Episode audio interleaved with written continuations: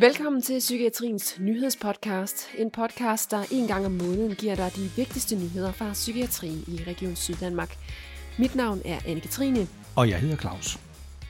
Ja, så hvis man kan forestille sig en kæmpe stor dråbe, der er 11 meter lang og 4 meter bred.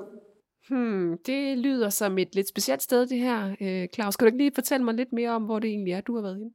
Jo, jeg har været forbi det nye væksthus i Odense, og det har vi mere om senere. Men allerførst så skal vi lige have en orientering fra det seneste møde i Psykiatri- og Socialudvalget, hvor overlægesituationen i Svendborg var på dagsordenen. Ja, det er fuldstændig korrekt, for Psykiatri- og Socialudvalget har besluttet, at Psykiatrisygehuset frem mod udvalgsmødet den 2. januar skal komme med en nærmere beskrivelse af, hvordan en fusion af afdelingerne i Svendborg Odense kan gennemføres. De politiske drøftelser kommer på baggrund af den nuværende bemandingssituation af overlæger i Svendborg. Og det er udvalgets konklusion, at det nuværende antal af overlæger gør afdelingen så skrøbelig, at der bør sættes ind med robustgørende tiltag.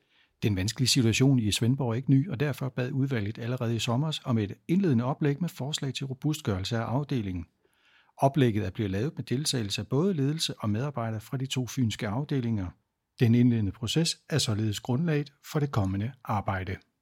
Psykiatri- og Socialudvalget de lægger afgørende vægt på at sikre opretholdelse af den eksisterende sengekapacitet i Svendborg. Nå, Claus, nu skal vi til noget af det, som jeg har glædet mig rigtig meget til, nemlig dit besøg i det nye væksthus i Odense. Vi kalder den nu spireboble, fordi den er som en boble, og vi tænker, at det er derinde mange ting skal spire og gro. Den skal bruges til at være sammen på en anden måde, end man er inde på øh, sengeafsnittene. Så sådan et mere uformelt samvær, hvor man også kan slappe af og lave nogle aktiviteter sammen. Det var cheflæge Sonja Rasmussen, vi hørte fortælle her. Og så skal vi også høre, hvad spirekonsulent Liv Krautvalg Mundgaard glæder sig til. Det var hende, som vi hørte allerførst i udsendelsen, og hun har været i gang med projektet det seneste år. At det er helt vildt dejligt, huset er færdigt. Men for mig begynder det jo først nu, egentlig. Fordi det her, det er jo bare rammerne. Nu er det jo alt det her, vi skal have puttet ind i. Og det bliver fedt at mærke, hvordan patienterne øh, blomstrer øh, ved at være et andet sted end inde på afsnittene. Det glæder jeg mig til. Den her spireboble, den flytter med ud på nyt OH, når byggeriet altså står klar til at tage i brug. Rikke Vesselhøf er trådt til som ny forskningsleder for Forskningsenheden i Børne- og Ungepsykiatri Syddanmark. Hun har varetaget ledelsesopgaver i forskningsenheden siden januar 2023, hvor hun og den tidligere leder, professor Niels Spielenberg, har samarbejdet om et generationsskifte. Afdelingen for traume- og torturoverlever har også fået en ny leder. Afdelingen fortsætter med Janus Staffe i chefstolen. Han har løst opgaven det seneste halvandet år, og nu er blevet fastansat i jobbet. Sygdom er årsag til midlertidige ændringer i ledelsen af afdelingen i Svendborg. Chefsygeplejerske Birgitte Kibernich er lige nu sygemeldt, og det betyder altså, at oversygeplejerske Isabel Gindeberg fra P1 hun konstitueres som chefsygeplejerske. Her vil hun sammen med cheflæge Carsten Blus Pedersen udgøre afdelingsledelsen, indtil Birgitte hun altså vender tilbage fra sin sygemelding. Vi er lidt over halvvejs i den årlige gennemgang af vores arbejdsmiljø. Det er det norske Veritas, måske bedre kendt som DNV, der laver auditen for os. Det er altså eksterne folk, som vi beder kigge os over skuldrene for at tjekke, om vi har styr på, hvordan vi håndterer vores arbejdsmiljø på tværs af psykiatrisygehuset. Og her cirka halvvejs i auditen, der fortæller DNV os, at vi overordnet gør et meget godt indtryk, men de har altså også en tilføjelse om, at vi også godt kan blive bedre til at lære af vores erfaringer og gøre brug af de data, vi samler ind. DNV er færdig med gennemgangen fredag, og i løbet af den kommende uge, altså uge 46, bliver den endelige rapport lagt ud på vores intranet. Den 10. oktober var det Sindets Dag, en dag, som bliver fejret verden over og som sætter fokus på psykisk sårbarhed og mental trivsel. Også på psykiatrisk afdeling Svendborg blev dagen markeret. Her var fokus på frivillighed i psykiatrien.